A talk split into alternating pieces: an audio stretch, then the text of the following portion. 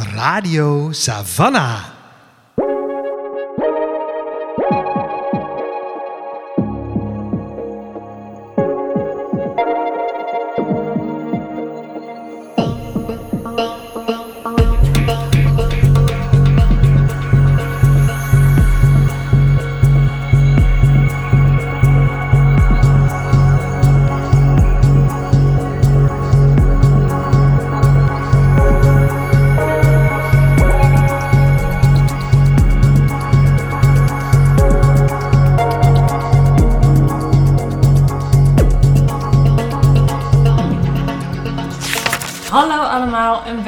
Een nieuwe aflevering van Radio Savannah, de podcast van boekwinkel Savannah B.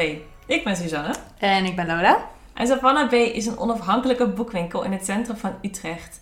We zijn gespecialiseerd in feministische literatuur. Voor ons wil dat zoveel zeggen als literatuur op het snijvlak van gender, queerness, dekolonisatie en het klimaat. En in elke aflevering van onze podcast zetten we een boek, persoon of verhaal in het zonnetje.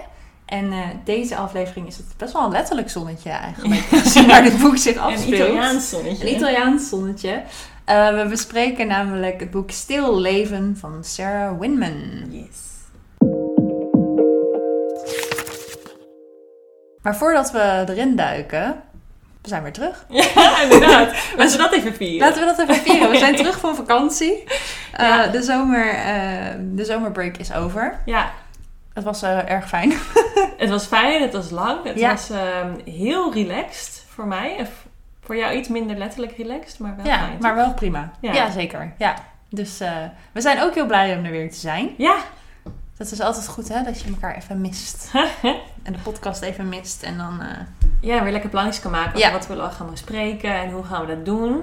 We Ja. zijn gelijk terug met een nieuw format. Ja. Zoals iedere zes maanden moeten wij het omgooien.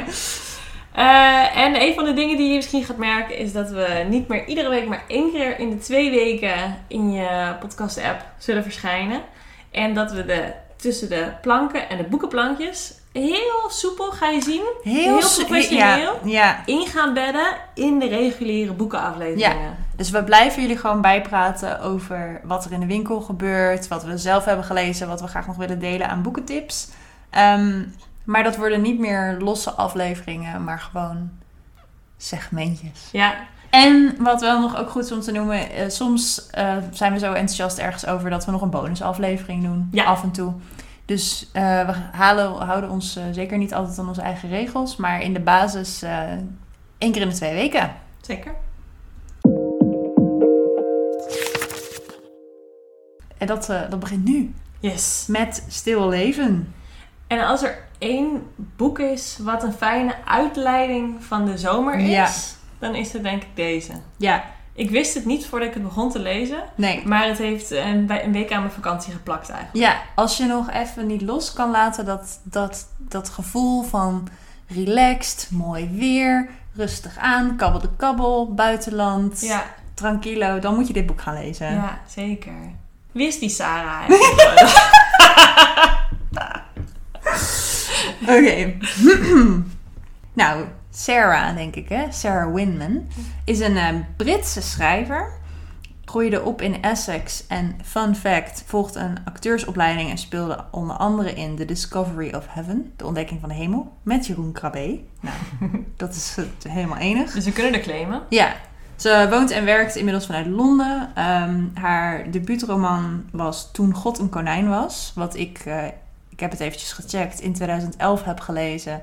Absoluut geen herinnering aan heb. Maar het is eh, in mijn archief opgenomen. Dus eh, Hè? eh, ik heb het van kaf tot kaf uitgelezen op de een of andere manier. Misschien weer herlezen na deze. Ja, I guess. Ik weet het niet. Wie weet. Of een ander boek van haar, want ze heeft er nog meer. Mhm. Namelijk Het laatste jaar van Marvelous Ways en De Blikman. Ehm, en nu is er dus Stil Leven. De Engelse editie Stil Life kwam uit in 2021. En nu is er Stil Leven, de vertaling, uitgekomen bij uitgeverij Orlando dit jaar. Ja, woehoe, uitgeverij Orlando. Eh, en de vertaling is van de hand van Mibet van Hoorn. Suzanne, Ja. Waar gaat dit boek over?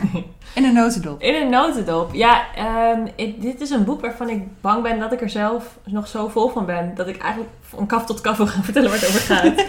maar eh, in een notendop gaat dit boek over eh, Ulysses Temper.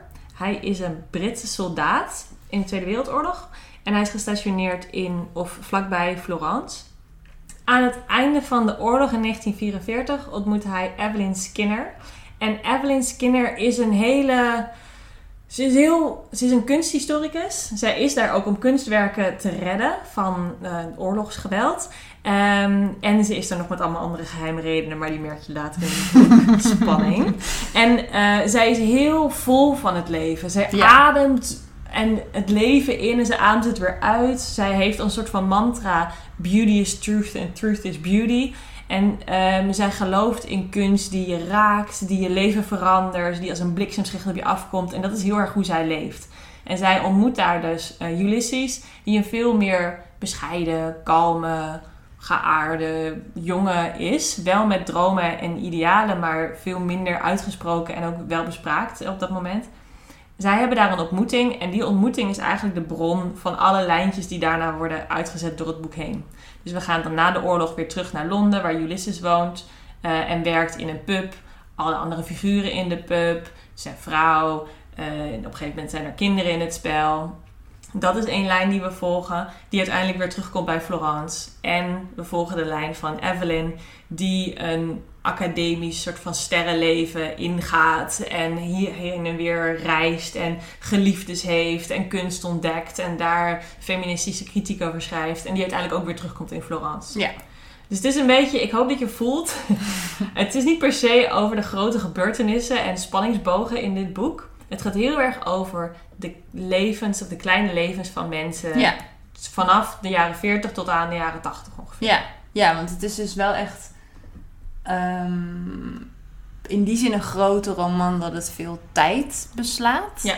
En meerdere eh, steden en landen. En in, wat dat betreft is het heel uh, groot en meeslepend, zeg maar, tot op zekere hoogte. Maar je volgt heel erg een aantal individuen die met elkaar verbonden zijn. En kijkt wat hun overkomt in het leven. En dat is dus Ja. niet allemaal heel spannend. Want soms ga je ook in, een, in drie pagina's vijf jaar door, bij wijze van spreken.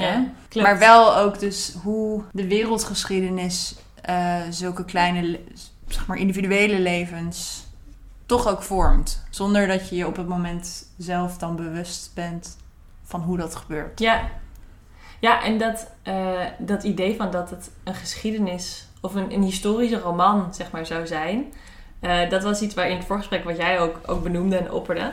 Ehm, dat, dat, zo heb ik het dus helemaal niet gelezen, maar dat is natuurlijk eigenlijk wel. Ja, Maar ik kan je bijvoorbeeld nu niet vertellen hoe Londen in de jaren 40 eruit zag, of wat er in Florence gebeurde in de jaren 60, of nee. hoe de oorlog precies is afgelopen. Of daar, daar is het boek echt niet geïnteresseerd, omdat de personages in het boek daar gewoon niet mee bezig zijn. Nee, heeft dat niet, niet belangrijk acht om, om, om over te hebben met elkaar of zo Ja. ook. Nee. Ja, Maar ik vind het wel heel erg een historische roman in het beschrijving van een tijdsbeeld. ja, Dus bepaald eh, kleding die ze dragen. eh, er wordt op een gegeven moment moet er van Londen naar Florence gebeld worden. Nou, dat moet dan met, met een landline en muntjes en ja, een omslachtigheid waar wij echt al jeuk van krijgen als we eraan denken met onze smartphones eh, in de zak, zeg maar. ja, En dat vind ik er wel heel erg historische roman ja, aan. Dus het is net zeker niet uitleggerig of van nou, nu ga ik je eens even vertellen wat er, nou ja, in, in eh, hoe de oorlog in Italië is geëindigd, bijvoorbeeld.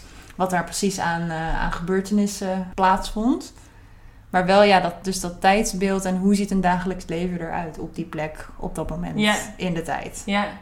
En er zijn een paar momenten dat ze wel, dat Sarah wel expliciet soort van speelt met dit historisch verloop. Bijvoorbeeld als ehm, er zijn een paar momenten dat de decenniumovergang, zeg maar, wordt gevierd. Dus dat 1950, 1960, Ja. 1970, dat zijn momenten die worden heel expliciet gevierd. En dan is het grapje dat ze dan telkens zeggen van... Away with the 40s. What did the 40s ever do to us? En dan away with the 50s. What did the 50s Ja. ever do for us? En dan gaan ze wel ook dan even terugkijken van... Nou, wat hebben we eigenlijk geleerd in de laatste tien jaar? En dan, waar willen we naartoe? Dus ze, ze houdt... Ze speelt wel, of ze maakt wel gebruik van het historisch verloop. Maar het is inderdaad geen uitlegboek. Het is geen Nee, non-fictieboek. helemaal niet. Nee. Nee, en ook niet dat daar heel veel gewicht aan Nee. wordt gegeven. Het gewicht van dit boek ligt echt bij die personages, bij hun onderlinge relaties, bij hun Ja. ervaringen, dromen, eh, fantasieën, Ja. et cetera. En niet bij eh, wat er op eh, 13 december 1948 precies gebeurde in Klopt. Londen. Ja. Ja. Nou, als je dat nou hoort, dan lijkt het misschien alsof het een heel klein, saai verhaal is. en het is dus in zekere zin klein. Het gaat over kleine levens, zoals je het noemt. Ehm, maar het, is, het voelt als een heel erg meeslepend groots verhaal. En het komt heel erg door de stijl die Sarah Winman gebruikt. Want het boek gaat dus ehm, ook erg over kunst. Dat komt ook door Evelyn, een van de personages. Maar die kunst, die zijpelt eigenlijk overal in door. En eh, met name de poëzie is helemaal... Dit boek is doordrenkt van poëzie. En ook van... eh, en het is de soort poëzie... Het is niet de kale poëzie die stiltes laat, die je, die je aan het denken zet. Dit is heel erg een soort van... De poëzie van de overdaad. Van beeld op beeld op beeld. En eh, de... Ja, ik kan zelf geen poëtisch vorm geven, want ik ben geen dichter. Maar het gaat al, niemand loopt al, gewoon een keer het plein op. Het is altijd met een beschrijving van hoe de zon staat en hoe dat dan weer kaatst. En hoe, dat dan, hoe zijn dromen daar dan weer van afspiegelden. Ja. En de geuren die we daarbij komen. Het is een heel overdadig boek. Ja, ja. En daardoor ook wel een beetje. Ja, traag is niet het goede woord, want je wil wel echt doorlezen. Maar het is niet een page-turner in die zin dat je denkt van... Oh, ik wil weten hoe dit afloopt. Of oh, het is juist lekker om het even je in te laten werken. Ja, of een soort van mee te laten voeren misschien door... Het heeft iets kabbelends. Ja. Dat is het denk ik meer. Dus je zit niet in een soort van kolkende stroom van hoppatee naar een ontknoop. Maar een soort kabbelend riviertje waar je dan zachtjes op mee kan deinen. Klopt. Dat is een beetje hoe ik het ervaarde. Ja. Het, het lezen. Nee, je hebt gelijk. Je moet het niet snel willen lezen. Nee, En je moet soms ook even lekker gewoon even ehm, stoppen en naar buiten kijken. En het even voor je zien. Ja. Ja, ja. Maar ik heb wel inderdaad, het is een, het soort boek dat heel erg, omdat, omdat je zo van die mensen gaat houden. En omdat die, de wereld in het boek zoveel interessanter is dan de wereld waar ik in leef. Ja. Dat je, eh, of de, mensen, de manier waarop deze mensen naar de wereld kijken is veel interessanter dan hoe ik naar de wereld kijk, zeg Ja. maar. Dat ik wel altijd, als ik het niet aan het lezen was, hoopte dat ik snel weer kon teruggaan Ja. naar het lezen. Ja, het is ook niet iets dat je het even weglegt. Zo van, het is me te veel en ik moet er even... Dat Ja. is het helemaal niet. Nee. Ik vond het een heel... Ik vind het een stom woord. Ik heb het volgens mij nog nooit gebruikt om een boek te beschrijven. Maar ik vond het een heel sprankelend boek. Wat echt zo'n stom blurpwoord is. Die zet op de cover. Radio Savannah. Een Sprankelend boek. Oh, zo stom. Maar ik vond het wel echt. Het is heel... Want die personages die maken allemaal grappige grapjes de hele Ja. tijd. En die doen... We vergeleken het een klein beetje met Gilmore Girls. Ja. Toen we het er van tevoren over hadden. En dan in die, die dorpsgenoten van Gilmore Girls, zeg maar. Als je die serie kent, dan heb je nu een heel helder beeld. Ja. Een Beetje beetje filter. ja, ja. Een beetje quirky, maar ook heel lief en zacht naar elkaar. En wel, het voelde wel als echte mensen, maar Mhm. met een soort van zacht randje eromheen of Ja. zo. Ehm, die dus allemaal ja, bijna een soort van terloops hele grappige dingen zeggen, waar je overheen kan lezen. Maar als je dat niet doet, dan heb je het wel echt naar je zin. Ja. Eh, en die soms ook een beetje licht bizarre dingen doen, maar dan denk je, ja, dat past eigenlijk wel bij jou dat jij dit doet. Klopt.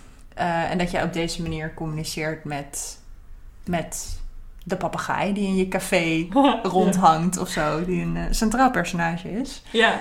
Ehm, en dat is heel leuk eraan. En dat is een, ja, het heeft een bepaalde lichtvoetigheid. Zonder dat het ehm, oppervlakkig is of zo. En dat is het echt helemaal niet. Helemaal niet. Nee.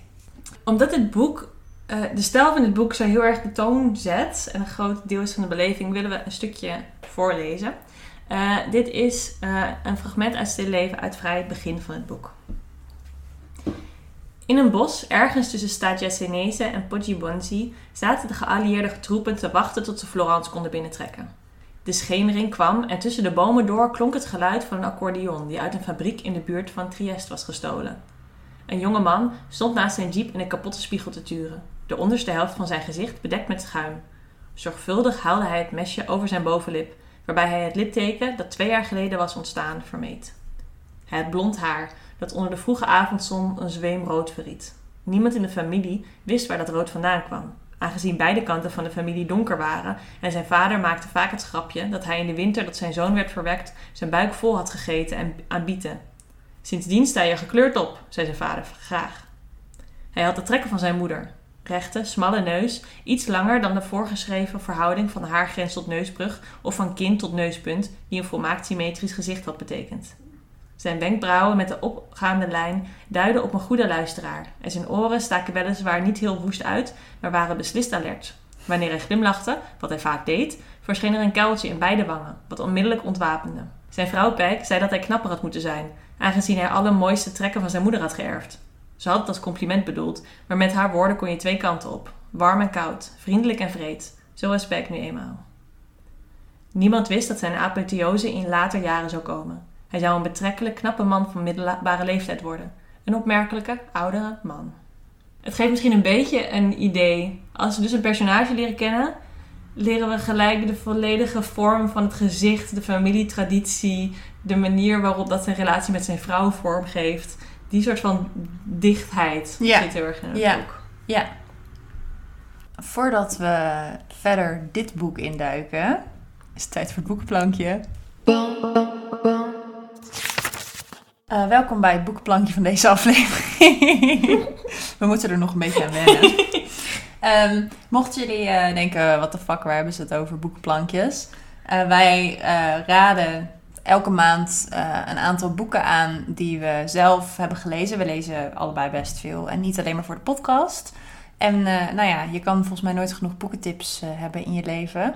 En die boeken zetten we dan op ons Radio Savannah boekenplankje. Mhm. Ehm, en dat is op dit moment een digitaal boekenplankje op onze website. De link zit in de show notes.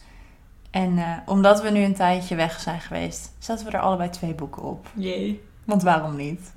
Sus, wat is je eerste boek? Nou, eh, voordat we begonnen eh, aan onze zomervakantie, had ik aangekondigd dat er een aantal boeken op mijn eh, letterlijke boekenplankje naast mijn bed liggen. Eh, en die heb ik gelezen. En dat waren aanraders, dus ik geef ze graag door aan ons lief luisteraars. Het eerste boek wat ik heb gelezen, wat een aanrader was, was Mexican Gothic van Sylvia Moreno Garcia. Eh, dat is dus een boek, ik zei het vorige keer al, wat mij heel erg door klanten is aangeraden. Je moet dit zeker lezen, je gaat het heel gaaf vinden. En het ziet er prachtig uit. Ja. Twee goede redenen eh, om, om het te lezen. en eh, het was echt een feest om het te lezen. Het was super leuk. Het, gaat, het boek gaat dus over, het speelt zich af in Mexico in de jaren 50 ongeveer. En dan is er Noemi, is een soort van chique, hippe socialite praat graag, vriendjes, eh, snel verveeld, gaat dan weer door. En die krijgt dan een brief eh, van haar nicht, die is getrouwd en bij haar man is gaan wonen, eh, dat er iets niet goed is. Het is niet helemaal duidelijk wat er aan de hand is. Is ze ziek? Is er iets aan de hand? Nou, ze gaat er naartoe en ze komt dan terecht in een gothic mansion.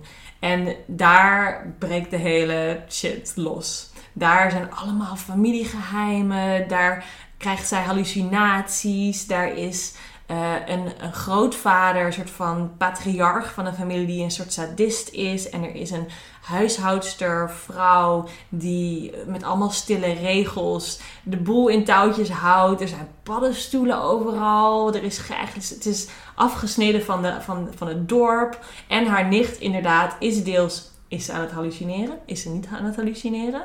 En het, het, het gaat het wordt veel groter dan je denkt dat het gaat worden. Het was echt een, een, een rollercoaster ride. En ik, vond het super spannend om te lezen.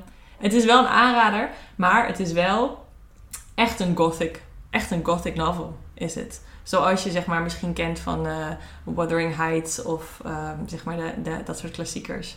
Maar dan in de Mexicaanse context. Ja, dat was heel vet. Klinkt exciting. Ja, wel. dat ja. is exciting. ja. Ja. Toch? Zo kort, toch? Ja, nee, dat is perfect. Wat heb jij gelezen, Lola? Nou, ik heb me dus, dit doe ik bijna nooit, maar ook gewoon gehouden aan wat ik zei dat ik ging lezen. Eh, namelijk eh, de nieuwste Ellie Smith. Ja. Ehm, Ellie Smith heeft de Companion Piece uitgebracht. Eh, in het Nederlands heet het Gezelschap. En ik heb het gelezen en het was natuurlijk één groot feest. Ik had ook niet anders verwacht. Ik had echt... Dit was het fijne aan als je op een gegeven moment weet... Oh, deze auteur die, die, is, die past bij mij en die is goed. Dan wordt het gewoon eigenlijk alleen maar leuk. En daar heb ik bij Ellie alle vertrouwen in. Dus het was gewoon één grote gezelligheid. Ehm, het, eh, er zitten eigenlijk twee verhalen in het boek. En het grootste gedeelte van de roman gaat over Sand. En dat is een alleenstaande vrouw die uh, kunstenares is. En zij wordt aan het begin van de roman wordt ze opgebeld door een ja, oud studiegenoot. Met wie ze eigenlijk nooit Mm. toen al geen contact had en nu al helemaal niet meer. En die komt met een soort vaag verhaal. eh, heeft ze haar hulp nodig. En dat zet allerlei dingen in, eh, in werking. En ehm, dus die Sand, ja, ik vind dat heel erg een Ellie Smith personage. Dus Mhm. iemand die heel veel weet van kunst. Met bepaalde, voor mij dan hele obscure referenties. En, en daar dan ook helemaal op losgaat. Maar het was ook eh, een heel nuchter personage op een bepaalde manier. Wat ik wel heel grappig vond in vergelijking. Want die, die, eh, die studiegenoot is een vrij onvoorspelbaar type. En haar gezin komt er op een gegeven moment ook heel on- onvoorspelbaar bij doen. En Mhm. dat dan die scène echt zoiets heeft van... wat de fuck zijn jullie aan het doen? Ga weg, laat me met rust. Was leuk. Ehm, en dit boek Companion Piece is eh, ook in een jaar geschreven. Net zoals Mm. de voorgaande boek van Ellie Smith van het Seizoenskwartet. Dus dit boek gaat ook over ehm, lockdowns. Over wa- hoe het is als een geliefde in het ziekenhuis ligt tijdens een pandemie. Mm. Eh, wel of geen afstand houden van elkaar en de sociale implicaties daarvan. Zeg maar die hele concrete dingen. Ehm, en aan het einde van het, zeg maar, ik denk de laatste kwart, misschien de laatste derde eh, deel van het boek, wordt een verhaal verteld eh, van een personage uit de middeleeuwen Oh, tijdens de pest, die een eh, Smit. Smit Ja. is. En die daar ook weer te maken krijgt met discriminatie en onrecht. En eh, die genderfucked op een bepaalde manier. Mm. Ook erg op zijn Ellie's. Ah. Ehm, dus er worden allemaal, daardoor wordt het iets wat ze natuurlijk ook bij die seizoensboeken deed. Om het niet alleen maar over de actuali- actuele actualiteit te hebben, zeg maar. Maar ook over eh, connecties met het verleden, eh, visies op de toekomst, dat soort dingen. En het gaat dus ook allemaal over, nou ja, waar vind je je companions en je gezelschap en hoe ziet dat eruit? En Ja, ja, hoe verhinderen mensen dat voor elkaar, maar hoe vinden ze het ook? ja.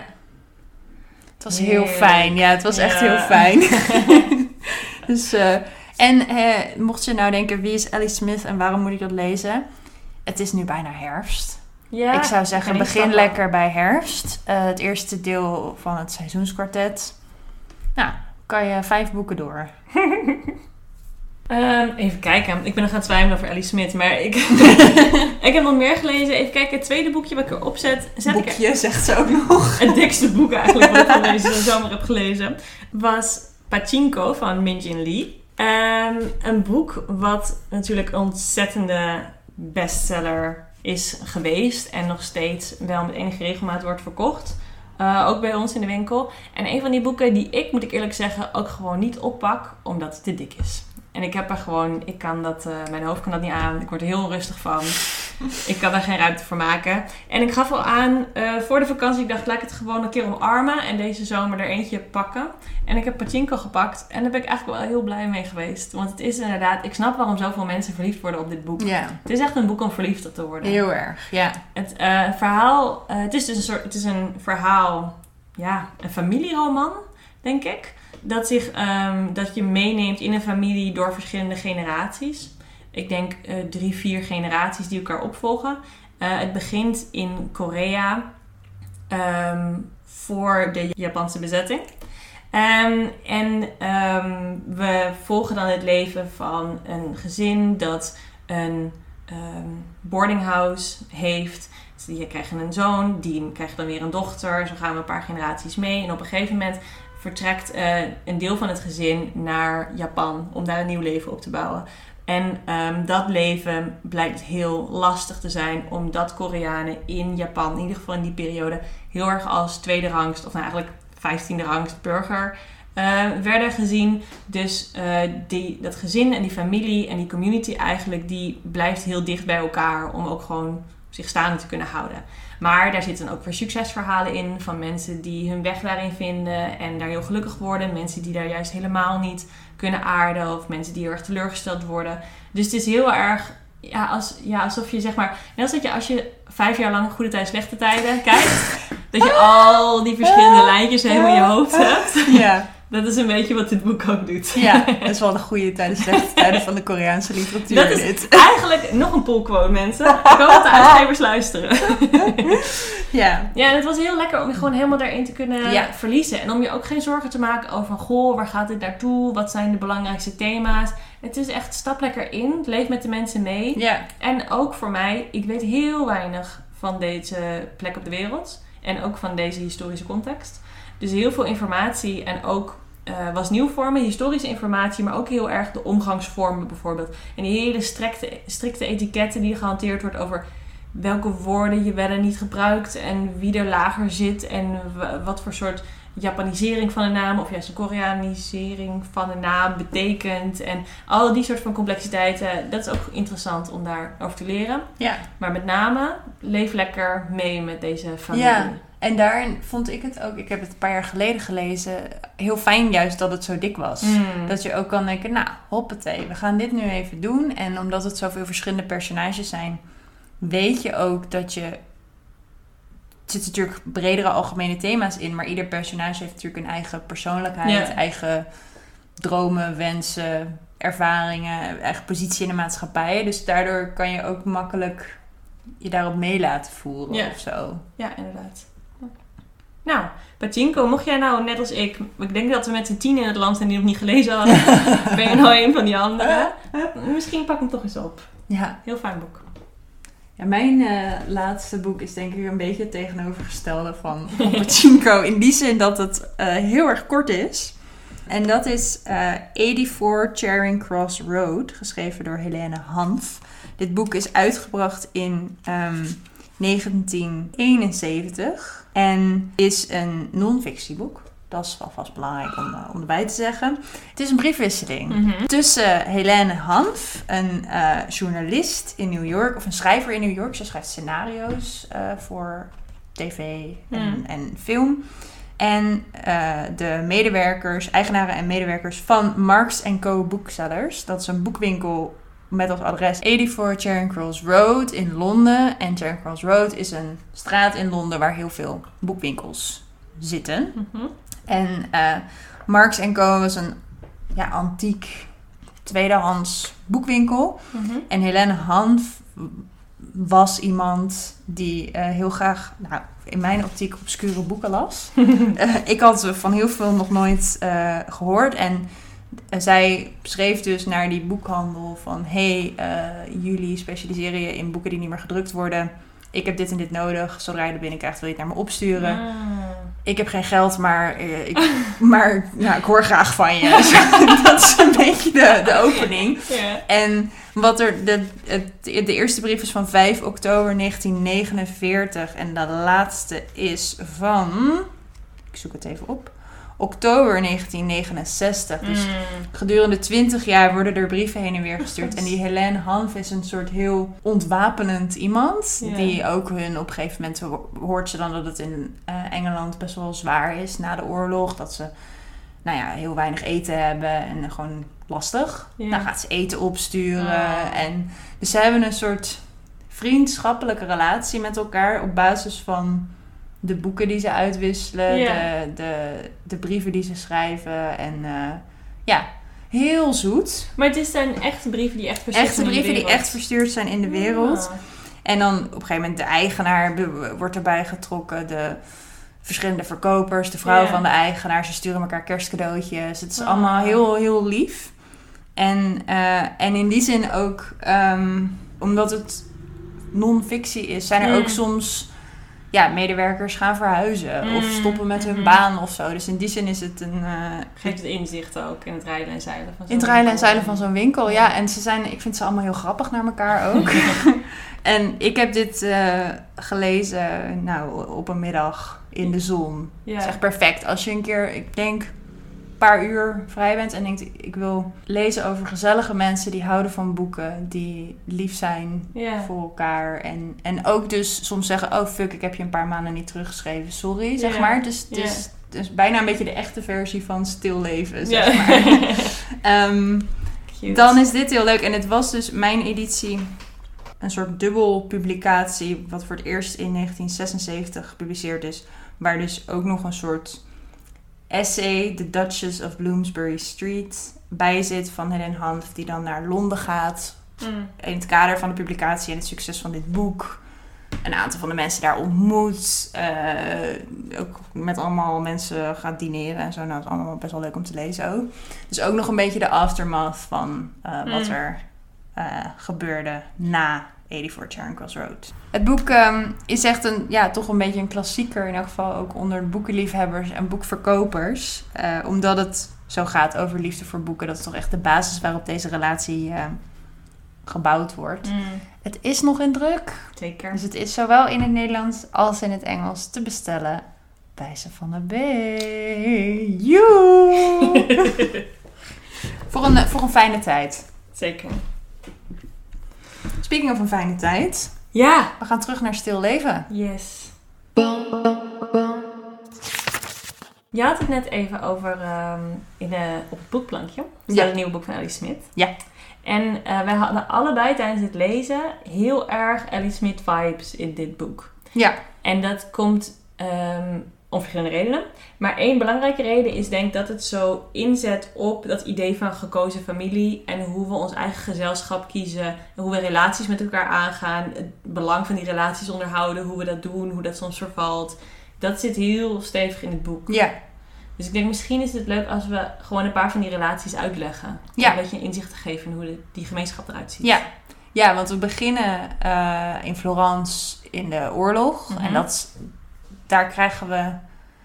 eh, aan het begin van het boek spenderen we daar niet heel veel tijd, Nee. zeg maar. Dus we krijgen wel een, een beetje een idee van een soort van Ulysses' belangrijkste eh compaan in, Mhm. het, in het hele verhaal. Maar dat is niet een hele diepe relatie. En zodra hij naar huis gaat, terug naar Londen, zie je eigenlijk... Oh, dit is zijn gemeenschap en dit is de, de plek die hem heeft gevormd. Mhm. Dat is eh, wat ik Team Londen heb genoemd. Eh, en dat is een, eh, een verzameling aan mensen die zich soort van centreert rondom een pub, Mhm. waar Ulysses ook werkt. En ehm, daar, eh, nou, dus die kende ook zijn vader. En dat, dat is echt Ja. zo'n van iemand die al honderd jaar in die wijk woont. Al die families kennen elkaar, al die mensen kennen elkaar. En die hebben bepaalde ja, kennis van elkaar. Ja. Ehm, en een belangrijk personage daar is dus de barman, Mhm. Cole. Mhm. Hartstikke gezellig. De papegaai, Cloud.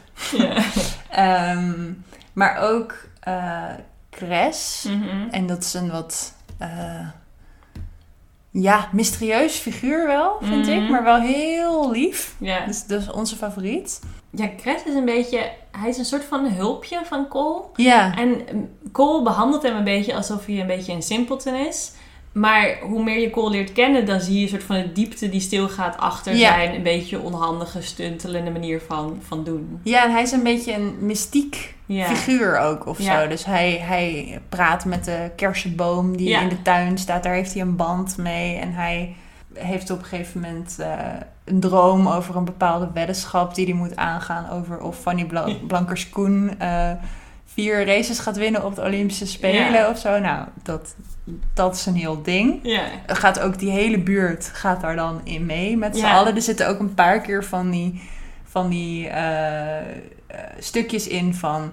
eh, Annie hoorde van de dochter van de bakker van de buurman... Ja, dat die had gehoord van de slager. Dat, nou, en zo, zeg maar. Je krijgt helemaal zo'n... Zo van hoe zo'n gemeenschap met elkaar in contact staat. Ook permanent, de hele tijd. Ja. Ehm, en rondom het café hangt ook nog Peg de Mhm. vrouw van Ulysses. Ja. Een soort van, ja, de schoonheid, zeg maar, van, van, de, van de bar in elk geval en van de wijk, maar ook een harde vrouw, Ja. een coole vrouw op een bepaalde manier. Of in elk geval iemand die eigenlijk, die veel van zich afbijt, die niet het emotionele achterste van de tong laat zien aan niemand, Ja. maar wel erbij hoort. Ja. Dat is dat, ze hebben allemaal heel goed van elkaar door. En dat is ook, daar is geen discussie over mogelijk. Ja. Er worden geen vraagtekens bij gesteld van nee, diegene is zo, maar die hoort erbij. Ja. En daar gaan we voor door het vuur. Ja. Ja, inderdaad. Hetzelfde geldt ook voor Ginny, een meisje waarvan die waarschijnlijk ja, of een laag IQ heeft of eh, op een bepaalde manier disabled is. Het wordt ook niet benoemd op een Nee. hele concrete manier. Nou, daar gaan ze allemaal, zijn allemaal heel beschermend over, maar ze wordt ook serieus genomen. Ja. Ze gaan ook gewoon met haar in gesprek over dingen. Ja. En zij vormen eigenlijk met z'n allen een familie, een, een, Ja. ja. een community of care ook voor elkaar, zeg maar. Zeker. Eh, het is echt een gekozen familie in die zin dat het niet, geen bloedfamilie is. Mhm. Ja, het zijn inderdaad mensen die soort van bij, die elkaar hebben ontmoet en merkten dat het werkte en toen Ja. daar hebben vastgehouden. Ja, zoiets. En die ook allemaal niet passen, niet willen passen, niet kunnen passen in een soort van eh nuclear family Ja. van een, een man, een vrouw en 2,5 kind, zeg maar. Ja, maar tegelijkertijd, het is geen groep rebellen of Nee, zo, zeg maar, die nee, zich nee, afkeren van de samenleving. Nee, nee. Het zijn mensen die op de een of andere manier of uit hun eigen familie of nooit een familie hebben gehad, die elkaar hebben gevonden en voor elkaar kunnen zorgen. En dus het deels zijn ze samen doordat ze nou eenmaal samen zijn. Ja, ja Dus precies. Door omstandigheden. Maar binnen die omstandigheden gaan ze allemaal voor elkaar door het vuur en zijn Ja. ze gek op elkaar. Ja, en Ja. het is heel erg ook door fysieke nabijheid gevormd of zo. Dus het heeft ook iets... Ja, ze zijn gewoon fysiek ook De hele tijd samen. de hele tijd samen en van elkaar op de hoogte. En ja, Ja. En je merkt het eigenlijk pas goed als op een gegeven moment Peg, dus de schoonheid van het verhaal, ehm, samenkomt met een man, Ted, waar iedereen een enorme hekel aan heeft. Ja, een buitenstaander. Ja, echt een buitenstaande. En dan merk je pas hoe hecht, of dan wordt heel expliciet benoemd hoe hecht ja. die groep eigenlijk is. ja. Als iemand er niet in past, dan kan er ook geen, geen haar binnenkomen, zeg Ja. maar. Ja, en het heeft ook een bepaalde ehm, vanzelfsprekendheid, die Ja. relatie die ze hebben. Dus op een gegeven moment wordt het, ehm, is het een, een deel van het plot dat Ulysses het gaat zorgen voor het kind van Peg. Mhm. Zich over haar gaat ontfermen, of kennis maakt überhaupt eigenlijk als hij terugkomt van de oorlog. En daar heeft hij dan wel wat gevoelens over. Ja. Maar het is nooit een eh, punt van twijfel of hij dat wel zou moeten doen of zo. Nee, want het is. Peck's kind en daar zorg je voor. Ja. Punt. Want die hoort erbij. Ja. Het is heel warm allemaal. ja, klopt. Be- ja.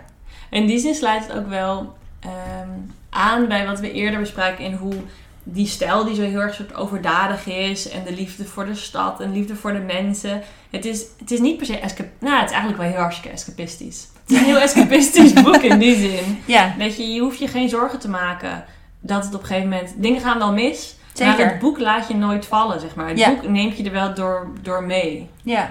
Ja. Ja.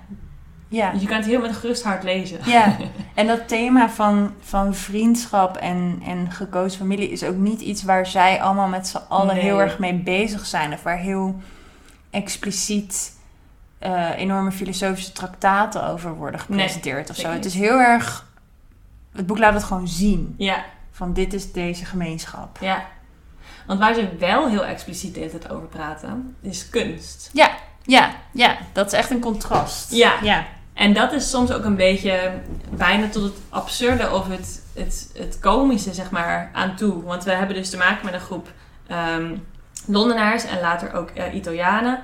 eh, die niet direct allemaal naar school zijn geweest of eh, de middelen hebben om zich te onderleggen in de kunstgeschiedenis of daartoe aangemoedigd worden door hun omgeving. Ehm, maar alle mensen in dit boek, bijna allemaal, zijn gek op kunst. ja. Of Zijn- op muziek of op. Ja, of op poëzie, of op eh, überhaupt naar buiten kijken, welke kleuren we zien als we naar buiten kijken. Die, die poëtische levenshouding, zeg maar, hebben ze bijna allemaal. En ehm, dat is heel mooi, want je kijkt, oh, zo zou je ook naar de wereld kunnen kijken. En soms is het ook bijna een beetje, ja, dus, dus komisch. Omdat Ja. er dus bijvoorbeeld een, een cres die naar de school is geweest en die een beetje als een simpleton wordt gezien door de rest eh, van de gemeenschap, die wel, eh, als hij een kamer binnenkomt, in Shakespeare quotes benoemt hoe het was voor hem om boodschappen te doen die ochtend, zeg maar. En dat, op de een of andere manier werkt dat in het boek, omdat je zo gek bent op die personages en omdat je het grapje ervan inziet. En omdat je ook dus weer denkt van, ja, nou, het was inderdaad ook best wel episch toen je daar bij de groenteboer stond. Ja. ja. Ja, en ik vond het het is, zeg maar, in de basis weet ik dat het niet geloofwaardig is dat iemand binnenkomt van, dus, van een supermarkt en dan Shakespeare gaat quoten. Dat snap ik. Het heeft ook iets John Greenigs of zo. Mhm. Zo van, Ja, waarom praten jullie zo? Aan de andere kant vond ik het volledig geloofwaardig voor Ja. de personage. ja. Ik denk, ja, natuurlijk doe jij dat, want zo ben jij. Ja, maar ook omdat degene tegen wie je dat bijvoorbeeld zegt, dan niet direct weer terugkomt in een quote. Nee. Maar bijvoorbeeld zo van, hi, stel niet zo aan. Ja. Want wat is met jou? Nou weer ben je opeens zo'n dichter vanmorgen. Dus daar word ik een beetje in het boek eh, licht over gedaan. Ja, ja. Ja, dat is echt leuk.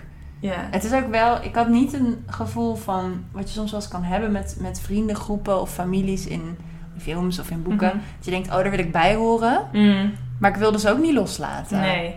Ze moesten wel blijven. Ja.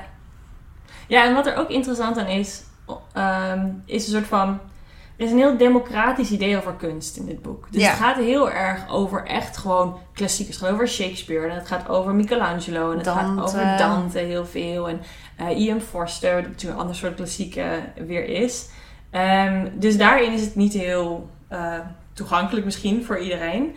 Maar de manier waarop het in, bijvoorbeeld in de monden wordt gelegd van mensen die daar realistisch gezien misschien ook niet alles over zouden willen weten, of waar je dat tenminste niet van verwacht direct, eh, geeft het iets heel licht. En geeft ook een beetje het idee van, goh, misschien ben jij wel, doet kunst wel wat, maar weet je er niet genoeg van en voel je je geïntimideerd door een museum of door een traktaat of door eh, academische artikelen daarover.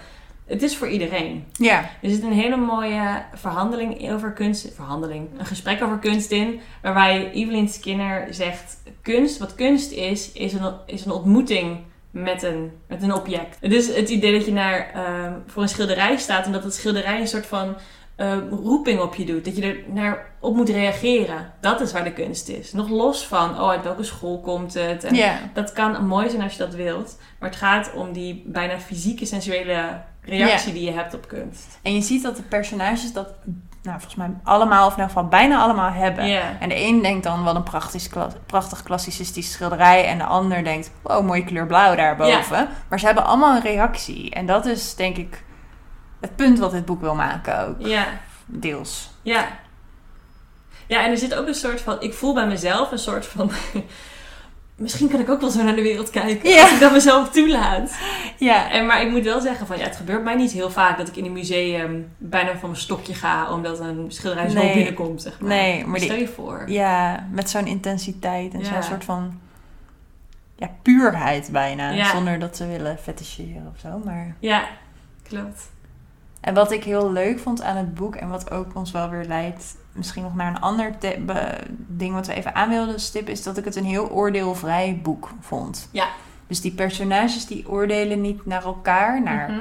Dus bijvoorbeeld, Peg heeft dan een, een eh, relatie terwijl ze officieel nog getrouwd is. Of ze gaat, dan ga je, ja, ik Ja. weet niet. Daar hebben ze wel gevoelens soms over. Dus bijvoorbeeld Ulysses, die vindt dat dan wel erg. Het heeft wel een beetje een gebroken hart af en toe. Mm. Maar het is niet, oh, ze is een, weet ik veel, gevallen vrouw. Of laten we Nee. haar verstoten of veroordelen of wat dan ook. En dat geldt eigenlijk voor alle keuzes die de personages maken. Dus soms is het, dit zou niet mijn leven zijn. Of dit is niet hoe ik zou willen leven. Of hoe ik kan leven. Of Ja. hoe ik wil leven. Maar ik zie dat het bij jou past. Ja. Of dat het voor jou goed is zo. ja. Dus vind ik het ook goed. Ja. En dat zie je heel concreet in de, heel, heel, eh, in de queer verhalen die erin zitten. Ja.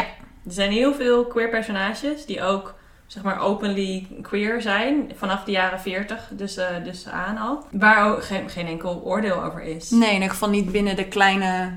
eh, een bubbeltje, zeg maar, van... Ja, en er wordt ook geen indicatie gegeven dat daarbuiten heel veel oordeel is. Tenminste, daar, daar is het boek gewoon niet zo in geïnteresseerd. Nee, dat is misschien wel zo. Ja. Maar ja. Ja, want het is... Mensen worden heel vaak verliefd in het boek. en dat past dus ook weer bij een soort van die meeslependheid. Ja, een bepaalde romantiek. Ja, Ja. en de sensualiteit van, van het boek, zeg maar. En eh, het is dus ook wel interessant, want je weet nooit op wie iemand verliefd gaat worden. Ja. Want het kan iedereen zijn. Ja. ja, en er wordt nergens wordt een waardeoordeel aange, Nee. aangehangen. Het enige wat op een gegeven moment, of tenminste wat me is bijgebleven, is dat ik geloof dat het Cole was. Die dan eh, vriendinnetjes heeft in alfabetische volgorde. Ja. Dus het begint, nou, dat vinden ze allemaal wel een beetje raar. Maar zeg maar, dat is een beetje. Het begint Ja. met een E en op een gegeven moment heeft hij een, een eh, Francine en een Gwendolyn. En nou ja, zo gaat hij door. Best wel grappig. Ja. Ehm, Maar ook inderdaad weer een teken van... Cole is een beetje een gebroken man. ja, De- Dit is ja. toch van zijn manier om ermee om te gaan. Maar verder is het heel, ja, heel, heel oordeelvrij. Ja. Zeker voor een boek dat zich afspeelt, nou ja, in, in het verleden. Ja. Ja. Ja. Dus dat is heel fijn. Dus we hadden het van tevoren even over van... Goh, zouden we dit nou als queer boek Mm. aanraden? Van als je thema's rondom queerness of queer zijn in een bepaalde historische context... Ja. of we dit boek dan zouden aanraden, dat niet per se. Nee. Maar als je denkt, ik, wil- ik wil gewoon gezellige queer... mensen die, die queer zijn in mijn boek... Ja. dan is dit een heel fijn boek. Ja. Zoveel mensen zijn gewoon queer en hebben relaties met wie ze maar willen. Ja. En dat is zo. Ja. En daar ondervinden ze geen eh, extreme nadelige gevolgen van. Nee. Dat is gewoon leuk. Inderdaad. Dus dat is fijn. Nee, dat is fijn dat boeken dat nu steeds meer ook doen. En dit Ja. is een heel goed voorbeeld van. Ja, ja. Een ehm, ander rubriekje, wat we weer eh, consistent op gaan voeren, eh, is de volgende. Zeg Lola, aan wie zou jij dit boek aanraden? Ik zou dit boek sowieso aanraden. Ik denk Ja. dat dat... Soms zijn er... Ik denk dat het heel breed gelezen kan worden, dit boek. Dat Ja. het voor heel veel lezers leuk is en fijn is en, en meeslepend. Specifiek zou ik het aanraden aan eh Italiëgangers. Hmm. Ik was zelf vorig jaar in Florence en ik vond het heel leuk om. Ik vond het een hele fijne stad om te zijn. En ik heb ook nu dus in mijn hoofd dat. Ik was er in september, geloof ik. Dat dit hele boek zich in september in Florence afspeelt. Mhm. Dus dat de zon altijd schijnt en dat alles fijn en niet, niet te druk. En dan zie je. Nou, ik zie het helemaal voor me. Ik zit er helemaal in.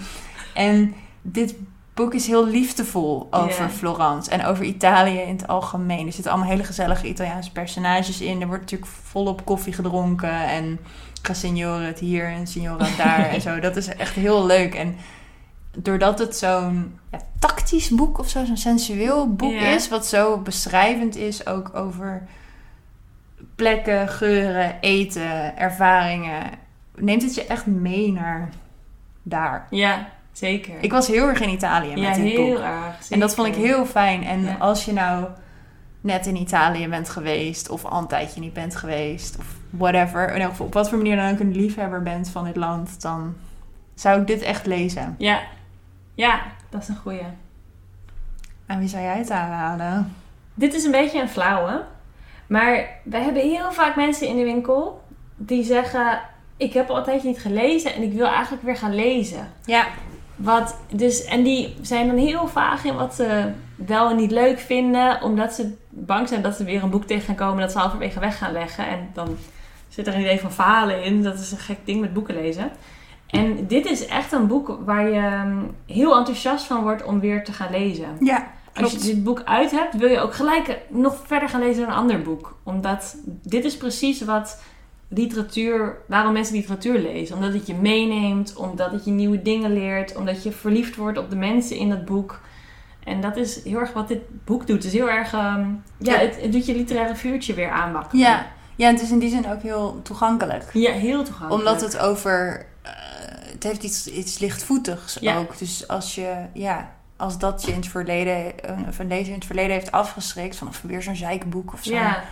depri-boek over, over, over families of weet ik veel wat. Ja, of met lastige stijlfiguren Ja. of metaforen die ik dan niet begrijp. Of eh, springingen door de tijd en weet ik het. Dit is best wel heel recht toe recht aan Ja. in die zin. Ja, En als je heel veel van kunst weet, hou je het eruit. Als je het niet weet, maakt niet uit. Dan pik je op het over kunst gaat en is dat prima. ja, Dus ehm, ik denk eh, zo'n soort klant ja. ga ik het aanraden. Ja. Maar je hebt gelijk. Ik, ik, ik vind het moeilijk om iemand te verzinnen die het boek niet geen plezier aan gaat halen. Nee. Ja, ik ook niet. Nou, dus dat is dus eigenlijk voor jullie allemaal dus. Daarmee komen we aan het einde van deze aflevering van Radio Savannah. De kickstart. No, back in business. Woehoe. Eh, dus niet volgende week, maar over twee weken zijn we weer bij je terug met een mooi nieuw boek. Tenzij er een special tussendoor kruipt. Wil je tussendoor al met ons eh, verder kletsen? Doe dat dan via onze socials, boekwinkel Savannah B. Vind je eh, ja, overal over het internet. Ja, zeker. Heb je een langer verhaal? info.savannahb.nl is ons e-mailadres. Vinden we hartstikke leuk als je laat weten wat jij van de zomer hebt gelezen. Of je Still Life al hebt gelezen. Of je van Italië houdt. Misschien niet dat, maar... Eh, laat het ons vooral weten. En wij bedanken natuurlijk, Mm. zoals altijd, ook na onze zomervakantie, Rieke Blom voor het maken van ons logo en Gooflooks voor het maken van onze intro en outro muziek. Wij bedanken jullie voor het luisteren. Wij zeggen tabé. Tot de volgende keer. Doei!